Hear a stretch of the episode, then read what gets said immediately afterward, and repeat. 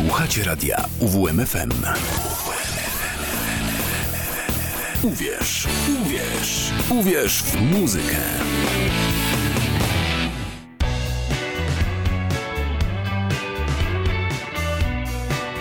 Audycja PRL in the House. Zapraszam, Wiktor Jurkiewicz. Wyobrażacie sobie dziś życie bez naszej rodzimej muzyki?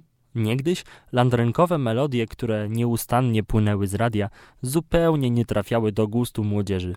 Ta oczekiwała muzyki mocniejszej i bardziej wyrazistej. Artyści, którzy odpowiedzieli na to zapotrzebowanie, stali się wtedy bardzo, bardzo popularni.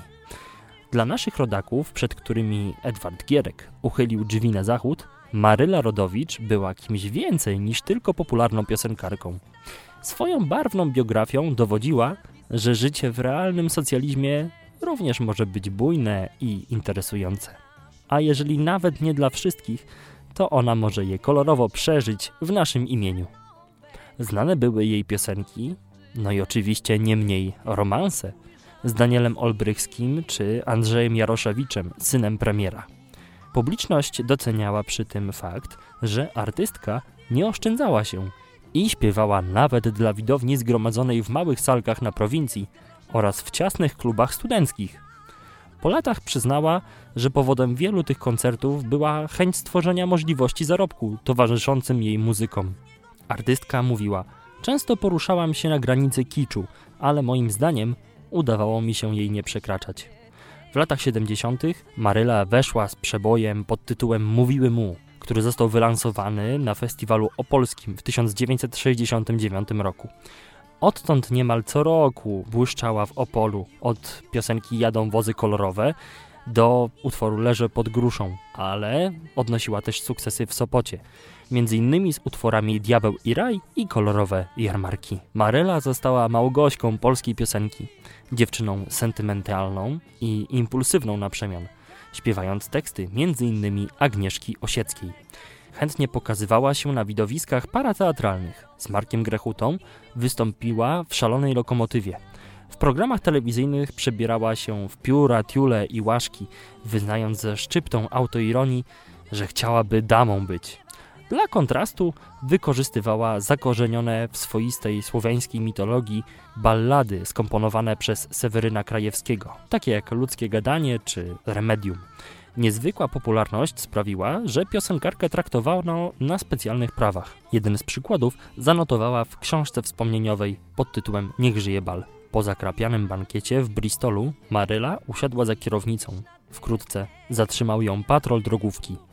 Odebrane prawo jazdy dostała z powrotem już następnego dnia dzięki interwencji wiceministra kultury, którego brat był szefem policji drogowej. Ale Maryla Rodowicz to nie jedyna gwiazda polskiej estrady lat 70. Interesującą ewolucję przeszła Urszula Sipińska, główna konkurentka estradowa Maryli. Piosenkarka rozpoczynała od kompozycji bardzo lirycznych. Następnie śpiewała nieco w stylu country, chociażby utwór Chcę wyjechać na wieś. Karierę podsumowała soulową balladą Mam cudownych rodziców. Ulubienicą publiczności festiwalowej była piosenkarka Anna Jantar. Śpiewała proste i melodyjne kompozycje swojego męża, Jarosława Kukulskiego. Tyle słońca w całym mieście, zawsze gdzieś czeka ktoś, czy chociażby utwór Za każdy uśmiech. Artystka zginęła w katastrofie lotniczej w marcu 1980 roku, wracając z występów w Stanach Zjednoczonych. Żelaznego repertuaru dla lata z radiem i pokrewnych audycji dostarczał w drugiej połowie dekady Krzysztof Krawczyk, który po rozstaniu z macierzystym zespołem Trubadurzy okazał się bardzo wziętym wokalistą. Jego przeboje jak Minął Dzień czy utwór Pamiętam Ciebie z tamtych lat przez długi, długi czas pojawiały się we wszystkich koncertach życzeń. Zapraszam Was teraz do wysłuchania muzycznych propozycji wymienionych przeze mnie artystów. Mało lato jesteś, tata cię dumuje i powera ci odbiera w zarodku. Sprawdza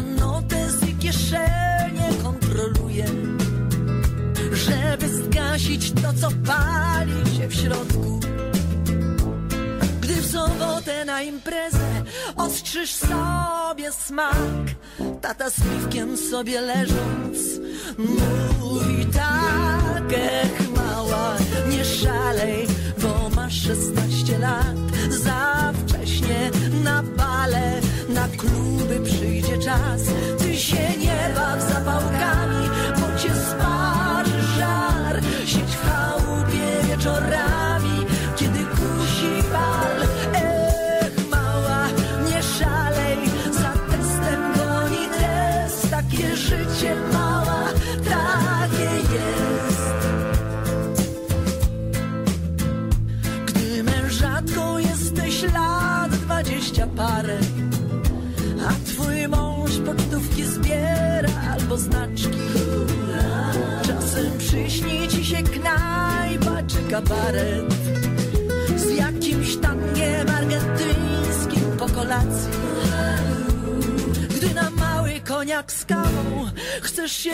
wyrwać vis-a-vis. Mąż, którego łamie w stawach Z nad gazety powie ci Ech, mała, nie szalej Bo masz pięćdziesiąt lat. Za późno na bale Co miał, to dał ci świat.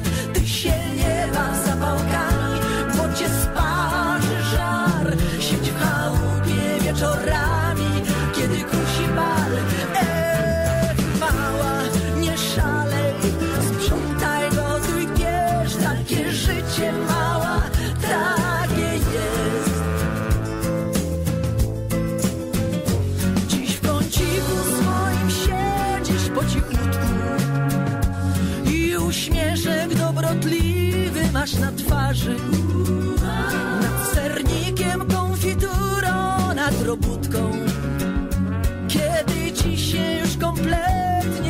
marzy Tylko gdy zapachnie różą Nagle ci się wyda, że pan Bozia tam na górze Cicho szepnął ci Ole!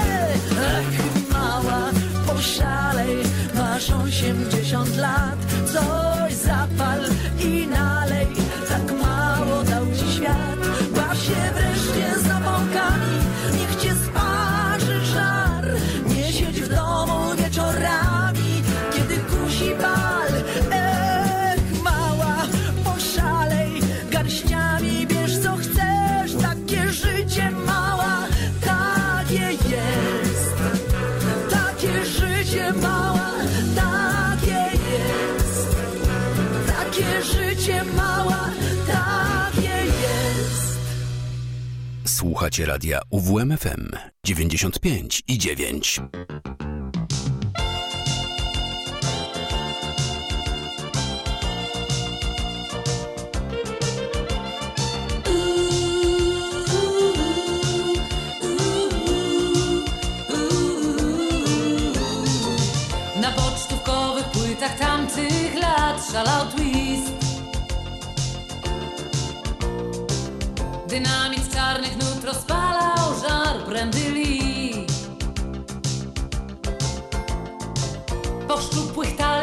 przebiegał dreszcz. Uuu, Gdy Presley śpiewał i grał. I z niedojrzałych serc westchnienia łzawę nam kradł Uuu, uuu, Gdzie ten świat? Utracony? Gdzie ten świat? Świat szalony, dziwny świat. Wspaniałych sześćdziesiątych lat.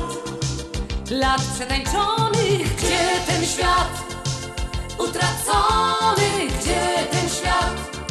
Świat szalony, dziwny świat Wspaniałych sześćdziesiątych lat Zapamiętania wart.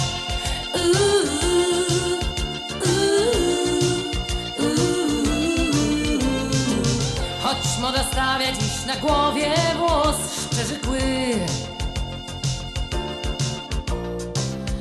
Cię okram spod lady, spija nam szklane łzy.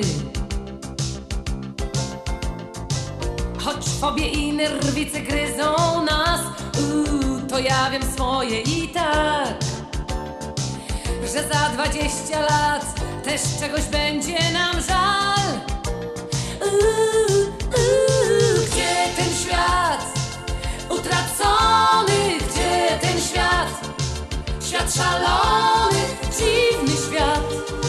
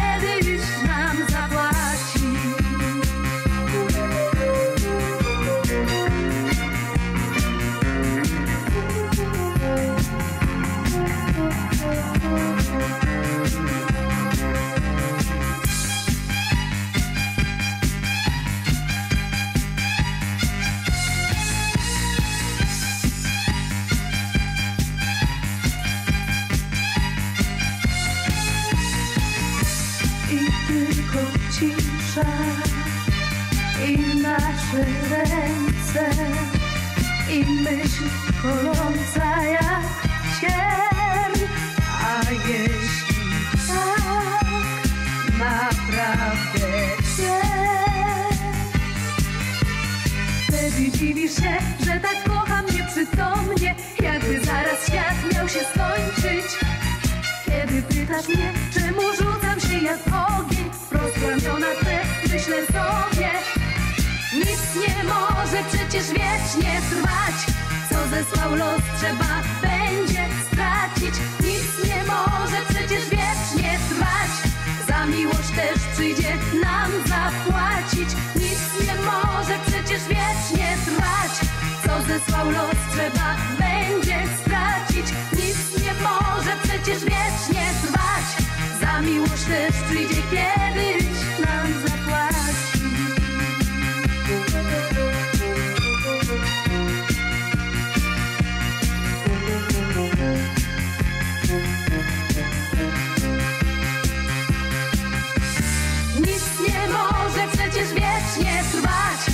Co zesłał los trzeba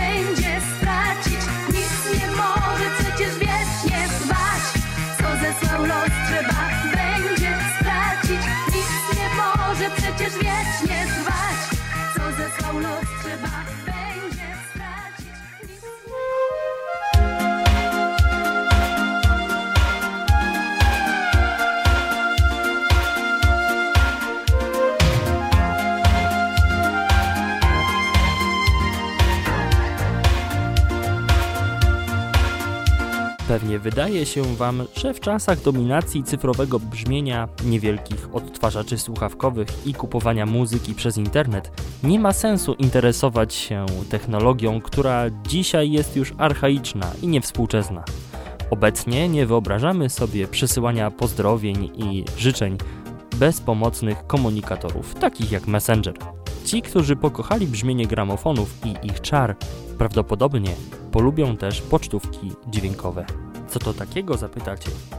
Pocztówki dźwiękowe to bardzo oryginalne płytki gramofonowe, charakterystyczne właśnie w epoce PRL-u. Ich nazwa pochodzi z materiału, z jakiego je wykonywano grubego papieru, który pokryty był warstwą tworzywa sztucznego, odpowiedzialną za wygląd każdej pocztówki. W ogóle skąd nazwa pocztówki? Bo do złudzenia przypominały kartki widokowe przez obecne obrazki i czworoboczny kształt. Rzeczywiście służyły one czasem jako pocztówki. Wysyłano je z nagranymi w specjalnych studiach życzeniami czy też pozdrowieniami. W ramach ciekawostki. W Polsce produkowano adapter Bambino, czyli taki przenośny gramofon zamknięty w gustownej walizeczce, specjalnie przeznaczony do odtwarzania takich pocztówek z zawrotną prędkością 45 obrotów na minutę. Pocztówki niestety charakteryzowały się słabą jakością dźwięku, ale za to nadrabiały niską ceną.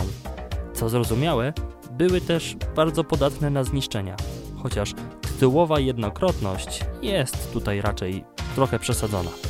Gdzie takie pocztówki dźwiękowe można było zdobyć? Produkowane były na potęgę przez gigantów muzycznych, wytwórnie płytowe takie jak Muza czy Pronit, ale także przez licznych przedstawicieli tzw. Tak prywatnej inicjatywy. Widokówki z nagranym dźwiękiem szczególną popularnością cieszyły się wśród młodych ludzi. Nagrywano na nie często popularne na zachodnim świecie utwory. Prosta produkcja takich kartek pozwalała na łatwe powielanie i samodzielne nagrywanie. To też pocztówki dźwiękowe można dzisiaj uznać za jeden z pierwszych przykładów piractwa na całe dekady przed popularyzacją komputerów. Dzisiaj wielu ludzi żałuje, że pozbyło się pocztówek dźwiękowych. Mój tata opowiadał mi, że z kolorowych winyli formowało się coś na kształt frisbee Obecnie takie małe płytki gramofonowe to prawdziwe, sentymentalne skarby. Wy też możecie o nie zapytać swoich rodziców lub dziadków. Jest duża szansa, że jeszcze mogą takie płyty posiadać. Gwarantuję, że przy słuchaniu takiej pocztówki zawładnie wami klimat tamtych dni, a starszych słuchaczy ogarnie przyjemna nostalgia. Posłuchajcie teraz nagrania, które udało mi się odtworzyć właśnie na oryginalnym adapterze Bambino życzenia i pozdrowienia imieninowe oraz zadedykowany utwór zespołu Truba Duży. Kochana Alu, jednym z najpiękniejszych dni to dzień Twoich imienin. Z tej okazji składam Ci najserdeczniejsze życzenia. Życzę Ci dużo szczęścia, ile tylko pragniesz. A kto Ci życzy, z pewnością odgadniesz. Wraca z daleka przelotnych ptaków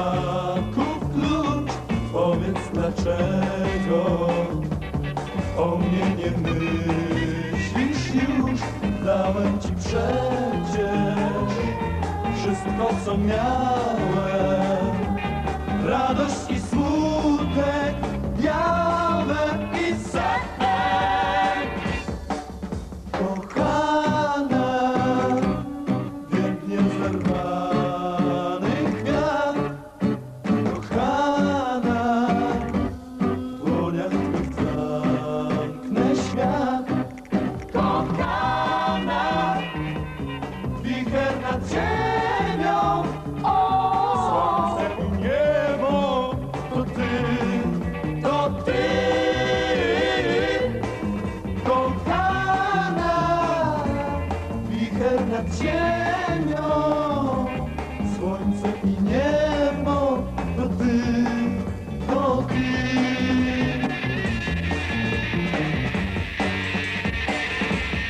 dęby i brzozy, zielenią okrył maj. Powiedz mi proszę, o co masz do mnie żal? Dałem ci przecież wszystko, co miałem.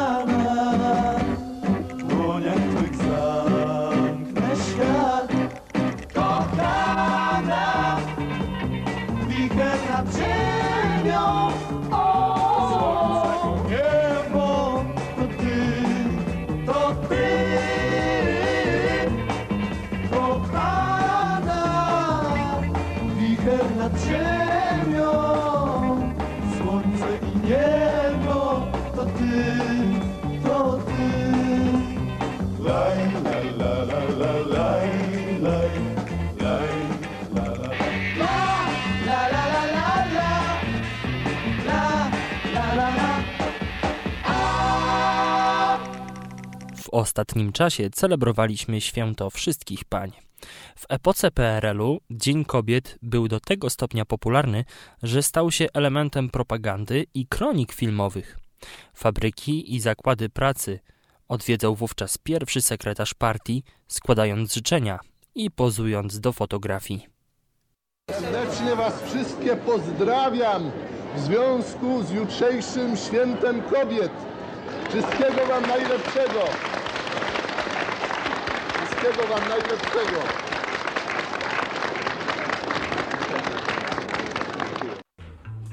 Obowiązkowo w zakładach pracy i w szkołach odbywały się okolicznościowe akademie, połączone ze składaniem życzeń przez kierowników i dyrektorów. Towarzyszył temu słodki, nierzadko zakrapiany poczęstunek. Punktem kulminacyjnym było wręczanie paniom przez męską część załogi kwiatów, szczególnie goździków, bo były po prostu dostępne. Później również tulipanów, a także drobnych podarunków. Z racji wiecznych braków na rynku paniom wręczano prezenty praktyczne. Ręczniki, mydła, słodycze, paczki kawy i herbaty. Święto z tak zwanym kwiatkiem dla Ewy w czasach PRL-u było w przemyślany sposób wykorzystywane przez państwowe media. Pokazywano szczęśliwe panie spełniające się w pracy zawodowej, włókniarki przy maszynach, panie na poczcie, nauczycielki, milicjantki kierujące ruchem drogowym. Eksponowano fakt pracy zawodowej kobiet. Podkreślano, że kobieta, będąc niekwestionowanym filarem i podporą rodziny, może być doskonałym pracownikiem, w dodatku w pełni zadowolonym ze swojego losu. Chciałbym zadedykować podziękowania muzyczne dla wszystkich Wonder Woman, czyli takich kobiet, które w obecnej rzeczywistości pokonują wszelkie trudności i są dobrem dla innych. Dla dr Aleksandry Meller z Bydgoszczy, dla Ani Sakowskiej, która jest konsultantem pacjentów, dla profesjonalnej i dokładnej dr Ilony Drelichowskiej z Kętrzyna, dla zorganizowanej i oddanej dr Katarzyny Myszki-Podgórskiej z Olsztyna, dla dynamicznej i energicznej dr Doroty Batroś-Zdrojewskiej z Olsztyna i mojej koleżance Amelce Noskowskiej, The Most Independent Woman. Za zdrowie pięknych pań. Gramy.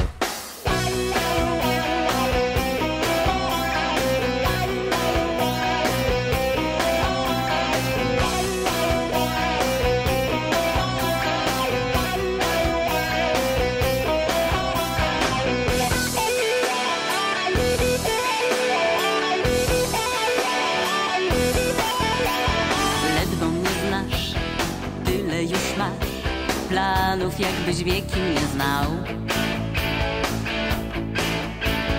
Siedzimy tu godziny pół, zahaczyłeś prawie o ślub.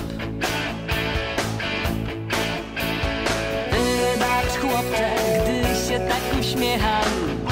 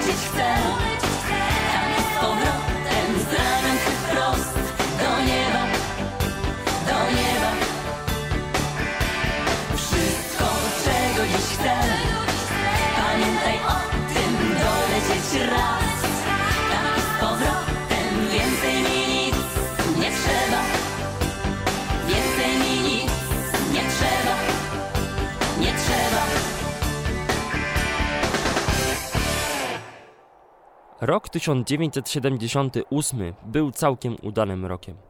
Wojtyła został papieżem, Hermaszewski poleciał w kosmos, a polska reprezentacja pod wodzą Kazimierza Dejny grała na mundialu. Panie były podekscytowane pierwszym odcinkiem serialu Noce i Dnie. Kapitan Krystyna Chojnowska-Liskiewicz, jako pierwsza w historii kobieta, samotnie opłynęła kulę ziemską na jachcie Mazurek. Ruszyła też seryjna produkcja samochodu FSO Polones. W Emilcinie wylądowało UFO, a we Wrocławiu urodziła się 35-milionowa obywatelka Polski. Ale prawdziwą furorę w tym roku, dokładnie w Sylwestra, zrobiła zima stulecia. Dlaczego jest do dziś tak często wspominana? Jak dała się we znaki naszym rodakom? Zaczęto mówić, nie potrzeba Bundeswehry, kiedy mamy minus 4. I to nie żarty. Bowiem w dzień nowego roku, 1 stycznia 1979, cały kraj wzdłuż i wszerz był sparaliżowany przez zaspy i kilkunastostopniowy mróz. Wojewoda gdański wprowadził stan klęski żywiołowej. Z powodu mrozu popękały tory kolejowe. Nie można było wszędzie dostarczyć węgla do elektrociepłowni. Na ulicę rzucono wojsko. Czołgi gąsienicami zrywały warstwy zbitego, zmrożonego śniegu. Komunikacja miejska zamarła na terenie całego kraju. Żeby dojechać do innego miasta, nierzadkim widokiem były autokary jadące przez tunele wykopane w śniegu. To właśnie śnieg, mróz i lód zamieniły Polską Rzeczypospolitą ludową w Polską Rzeczypospolitą lodową.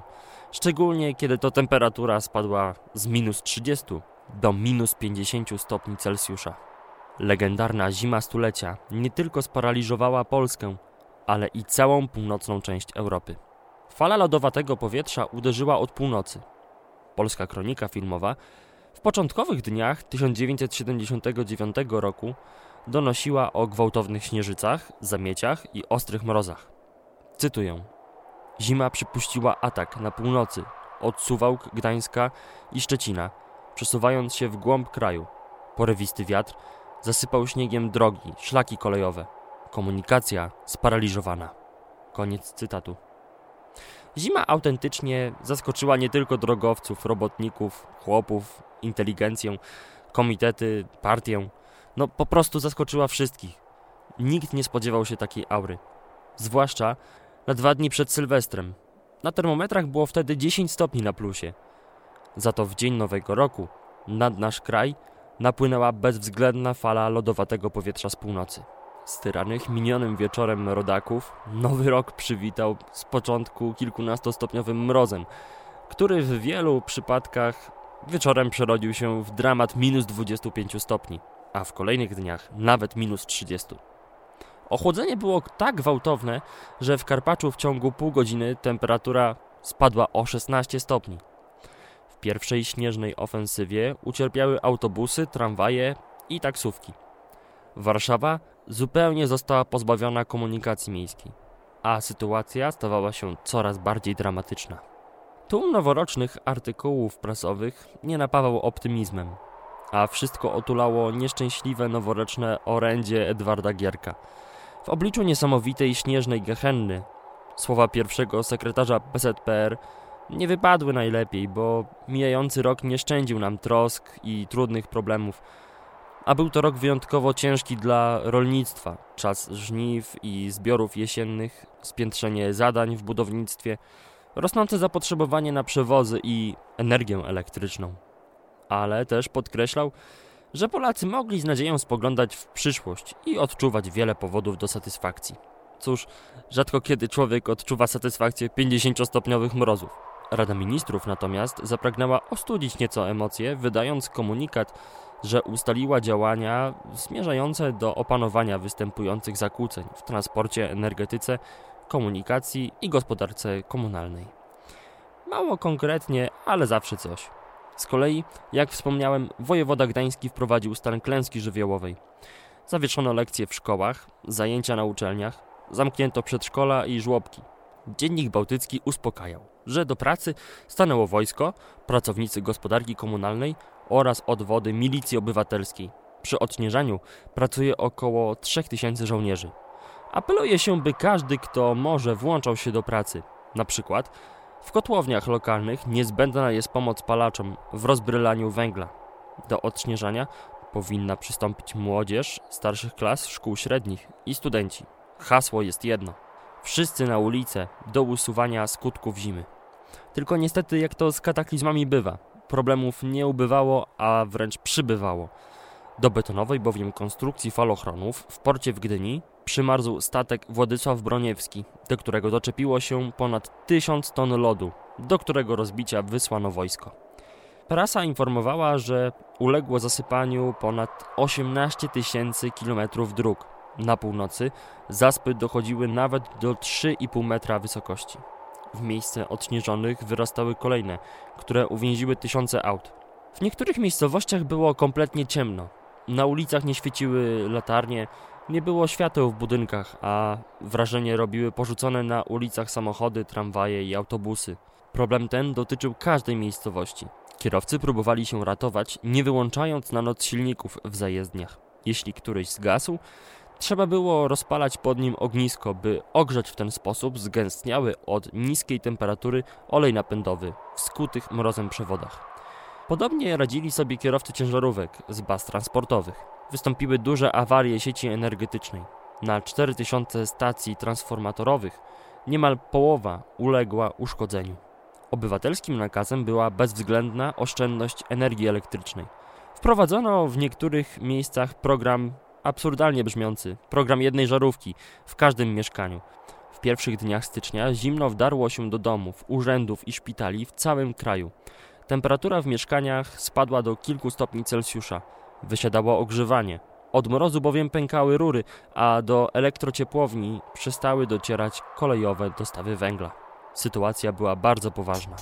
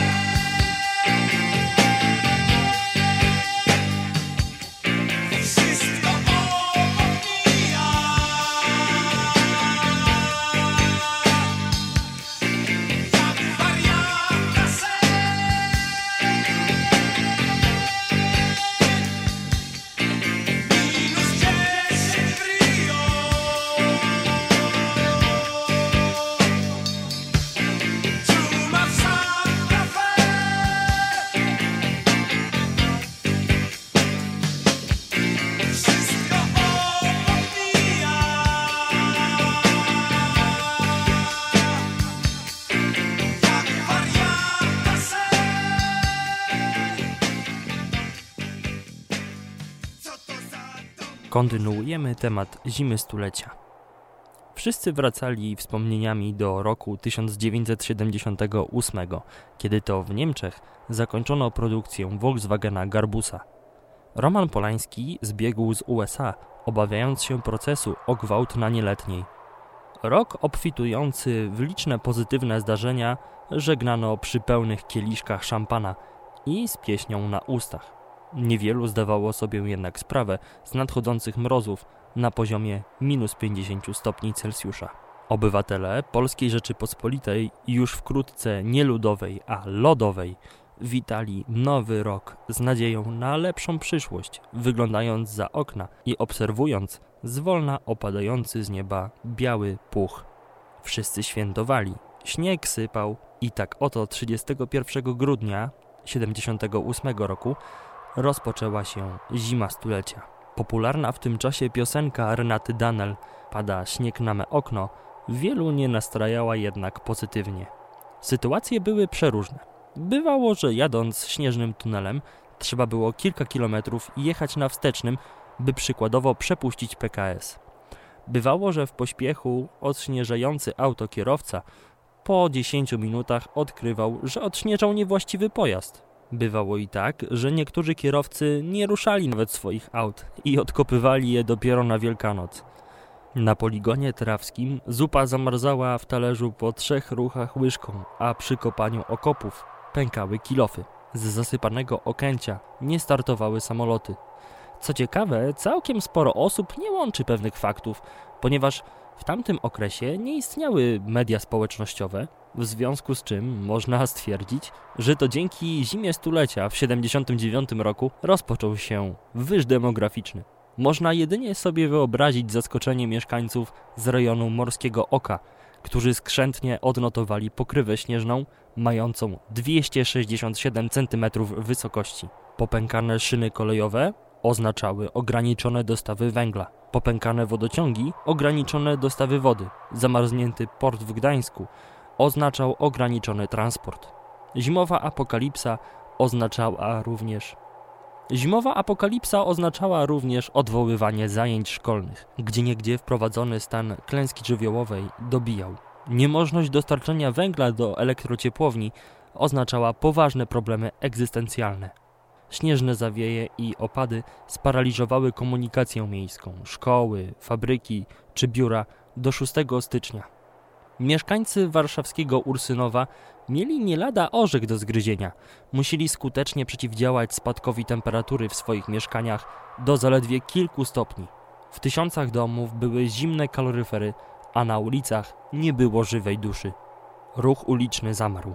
Nic tego specjalnie nie zapowiadało, bo zima 1978 roku była nad wyraz ciepła, a dopiero w noc sylwestrową temperatura spadła gwałtownie do minus 20 stopni Celsjusza.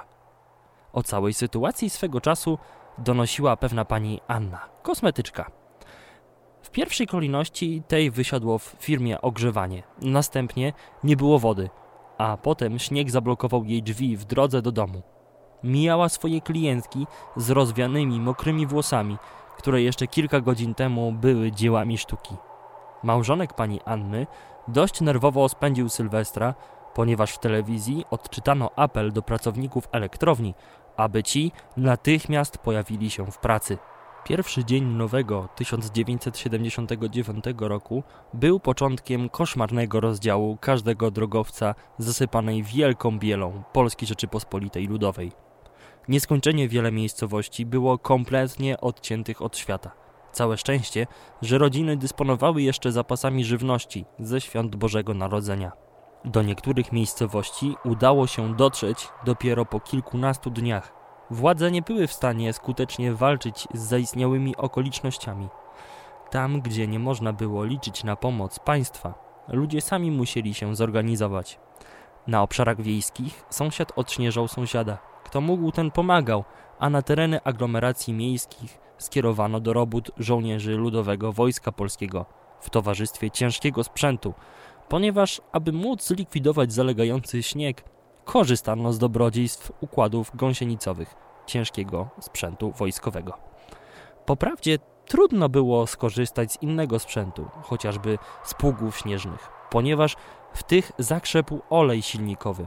Nierzadkim widokiem byli pasażerowie autobusów wspólnie pchający swój dotychczasowy środek lokomocji przez tunele wydrążone w śniegu, którymi właśnie komunikacja miejska starała się ze wszelkich sił kursować. Generalnie władze wyspecjalizowały się w ogłaszaniu komunikatów. Z jednej strony Ministerstwo Komunikacji stawiało sprawę dosyć jasno.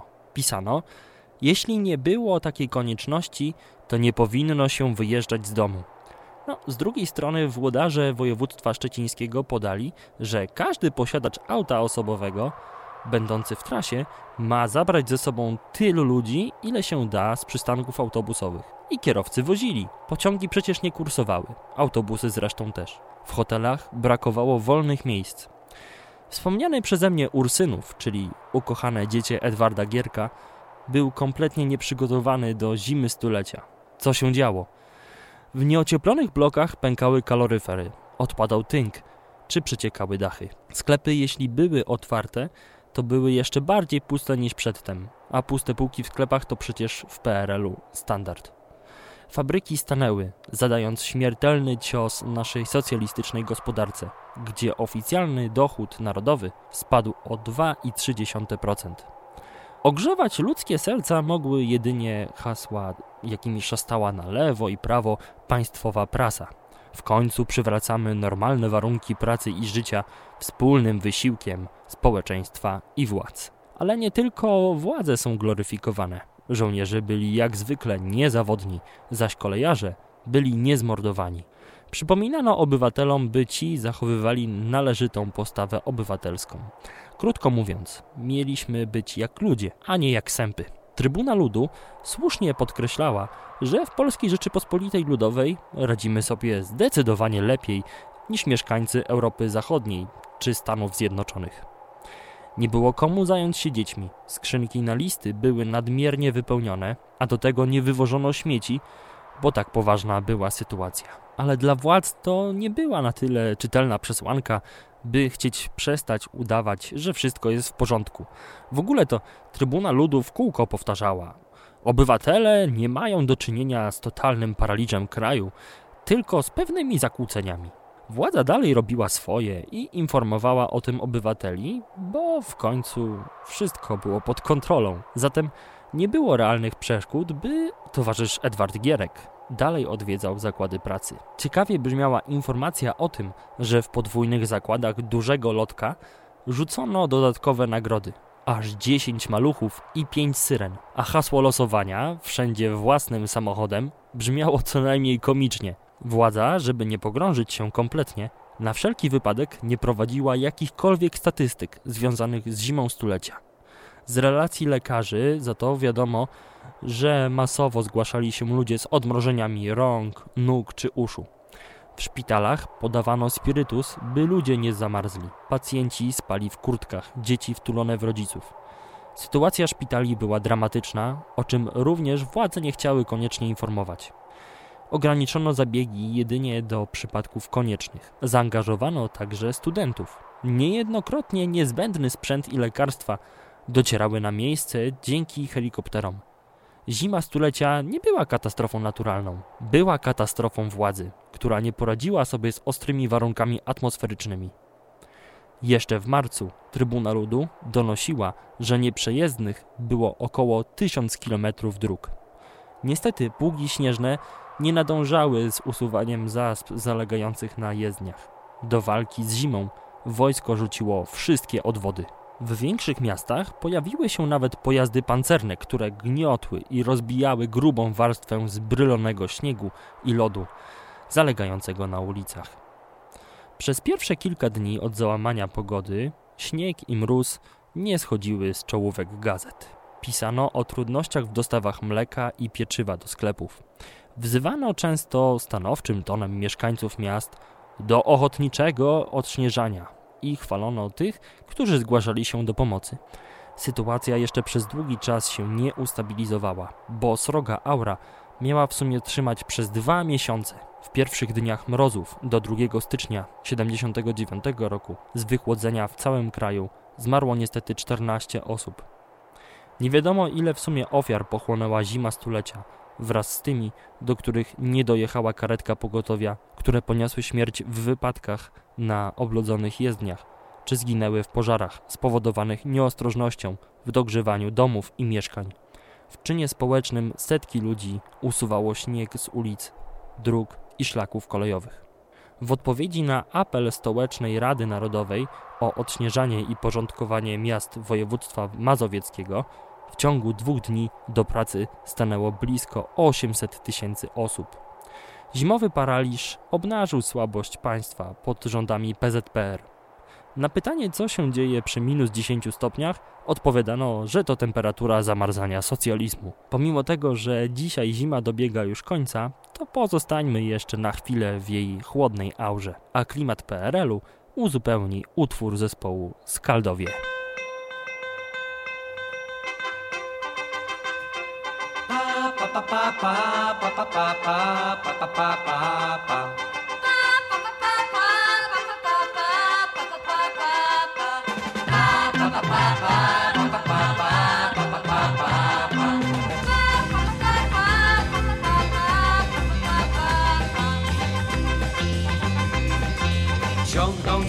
Sanie góralskie koliki Hej, jadą w saniach panny, przy nich Janosiki.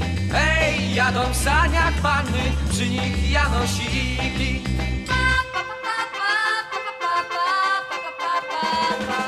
Coraz który krzyknie, nie wiadomo na co. Hej, echo odpowiada, bo mu za to płacą. Hej, echo odpowiada, bo mu za to płacą.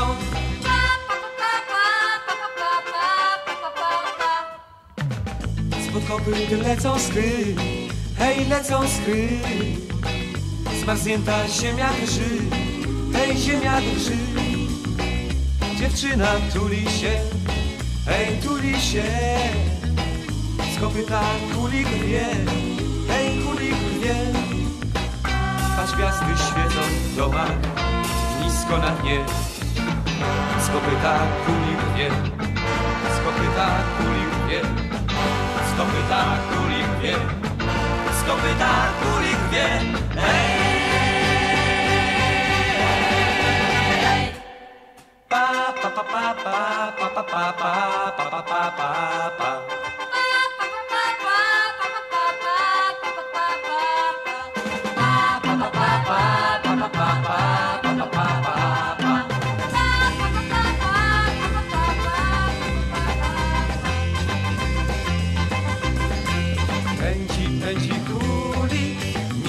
Błyskawica.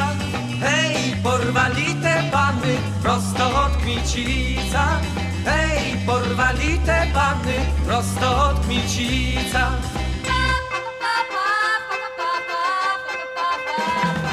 Zbójnik od Kmicica, zbójnik szarooki. Hej, z wierzchu baranica, a pod spodem smogi.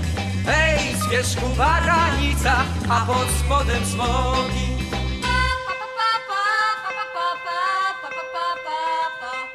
Pa pa pa pa pa pa pa pa pa pa pa pa pa pa.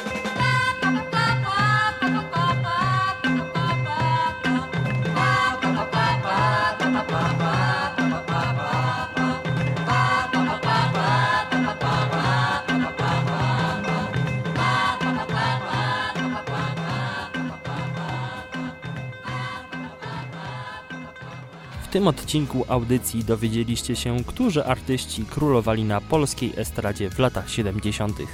Czyje piosenki święciły wtedy triumfy. Wiecie już, jak w PRL-u świętowano Dzień Kobiet.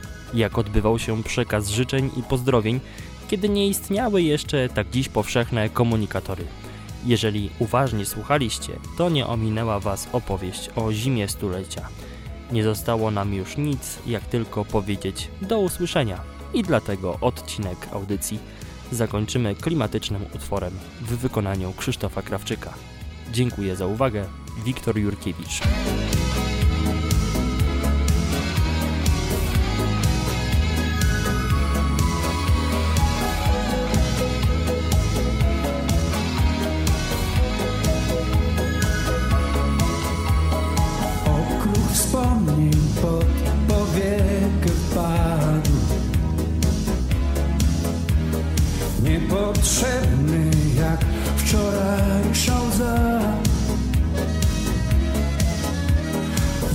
I'll